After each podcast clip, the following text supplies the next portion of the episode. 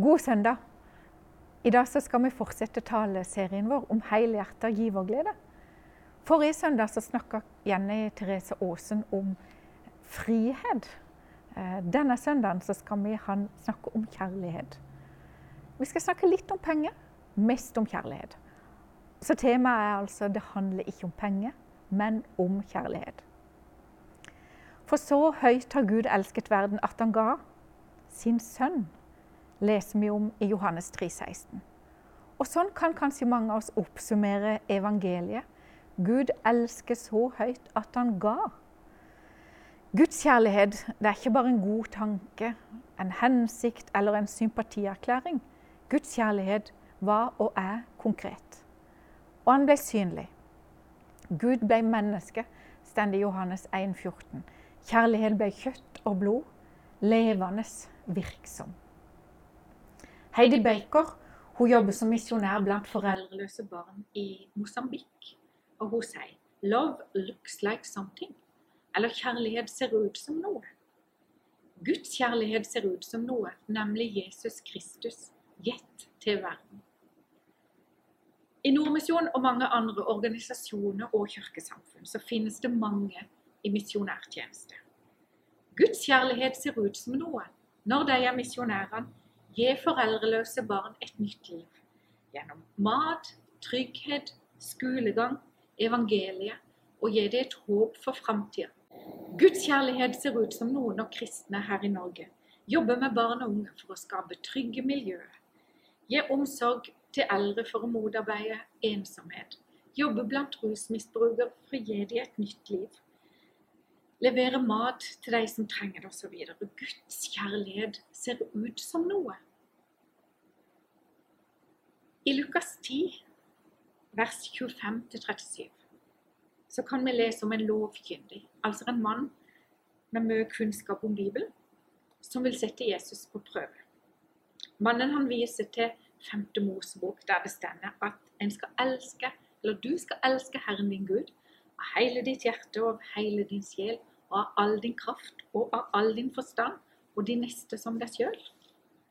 Denne mannen han kan sitere de ordene på rams. Han kjenner innholdet, og han vet hva som stemmer skrevet. Og så vil han gjerne diskutere teksten med Jesus for å rettferdiggjøre seg sjøl, skriver forfatteren Lukas. Men Jesus han går ikke inn i diskusjonen med denne mannen. Han svarer mannen med å fortelle en historie. Og den historien kaller vi den barmhjertige samaritan. Historien handler om en mann som blir overfalt av røvere. Han blir avkledd, han blir skamslått, og han ligger igjen halvdød. Og så forteller Jesus videre om en prest som kom fra Jerusalem. Han hadde sikkert vært på gudstjeneste. Han ser mannen, men han gjenger utenom og forbi. Og så forteller Jesus om en levit, altså en annen tempelansatt, som også kommer fra gudstjeneste. Han kom, han så mannen, og han gikk rett forbi. To menighetsansatte som vi må regne med, kjenner teksten like godt som den lovkyndige som Jesus snakker med. De har lest Bibelen, de har vært på gudstjeneste, de har vært på møte. Kanskje de har vært i bibelgrupper og snakka om hva teksten betyr. Men de går utenom. De går forbi. Så kommer samaritanen, og når han ser mannen, så får han inderlig medfølelse med han.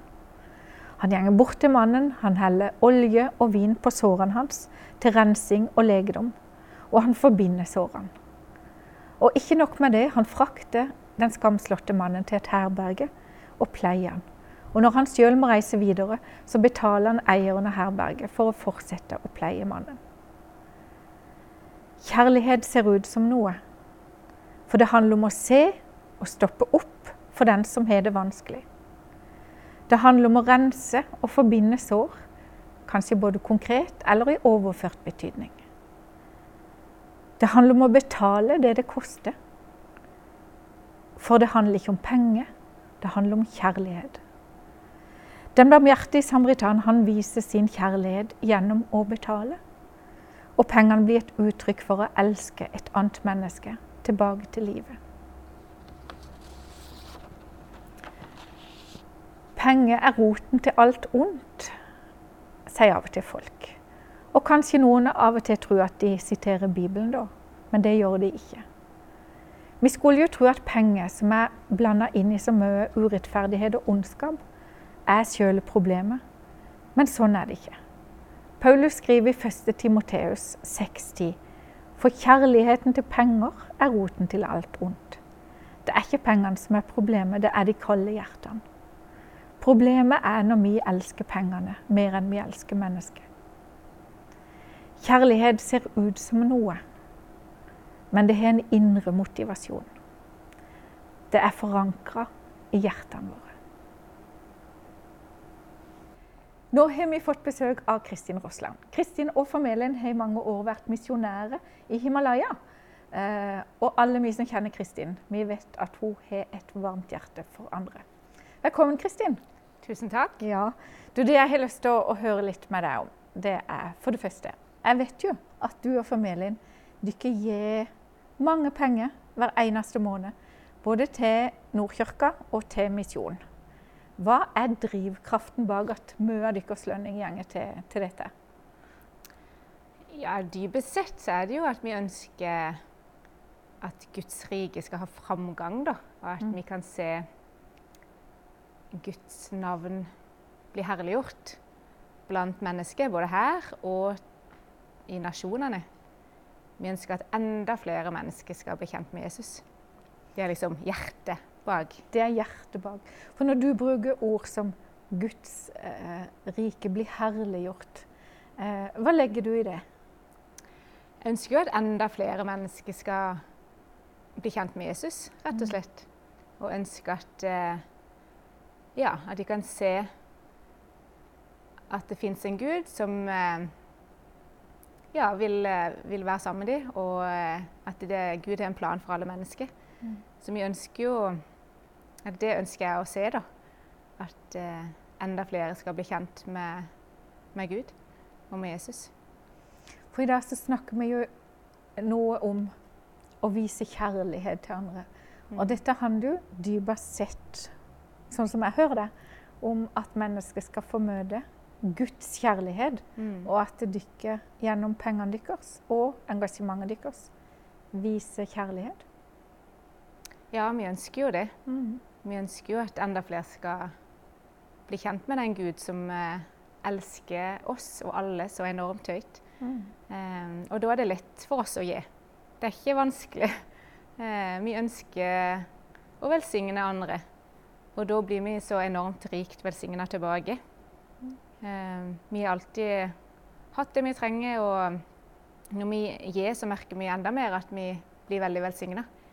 For, for til og med når dere var misjonærer ute. Eh, og jeg tror ikke at misjonærlønninger er det eh, høyeste oppe på skalaen, for å si det sånn. til og med da så, så ga dere mye penger. Ja. ja, vi gjorde det. Mm. Vi, eh, vi, hadde det jo litt trangere da økonomisk, selvfølgelig. Um, men vi merka at uh, det var veldig riktig å gi tiende spesielt. Og av og til mer enn det. Eh, for vi ønska å, ja, å gjøre det som Gud sa til oss at vi skulle gjøre. Mm. Eh, men vi mangla aldri noe. Vi hadde alltid nok penger til det vi trengte. Mm. Eh, og når vi så ja, kanskje noen økonomiske utfordringer, så, så stoppa vi ikke å gi pga. det. Mm. Vi, vi merka bare at Gud var veldig, veldig trofast. Og jeg var aldri, absolutt aldri bekymra for økonomien. Egentlig veldig rart, siden jeg hadde eller vi hadde veldig mye mindre da. Mm. Men eh, ikke et sekund var jeg bekymra for pengene, mm. og at vi ikke skulle ha nok. Mm. Um, så det, det dreier jeg jo med meg nå òg, da. At ja. eh, jeg er ikke bekymra for økonomien. Um, vi har det jo bedre økonomisk nå enn vi hadde da, men, men allikevel så merker jeg at, eh, at Gud er trofast mm. i, i, alt. Og da er det veldig lett å gi òg, da. Um, for vi ønsker, ja, for, i, bunn, I bunn og grunn så ønsker vi at andre mennesker òg skal, skal få oppleve Guds kjærlighet, og det ønsker vi å gi til forskjellige prosjekter. da. Mm. Både her på huset og eh, til andre. Mm. Og misjonsprosjektet spesielt. da. Det blir jo nesten som en investering til, til andres beste og til Guds rike her. Ja, det er jo egentlig det. Ja. Kristin, du sa jo noe om at du opplever at du blir velsigna når du ikke gir. Eh, du ikke aldri mangler noe. Du kan kjenne på trygghet. Eh, kan du utdype det litt? Ja, som sagt så, så, opplever vi jo veldig at vi blir velsigna når vi gir.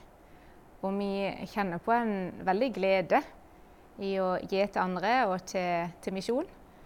Um, vi kjenner at det, det, er gøy å gi, uh, gi til andre, og ikke bare tenke på oss sjøl.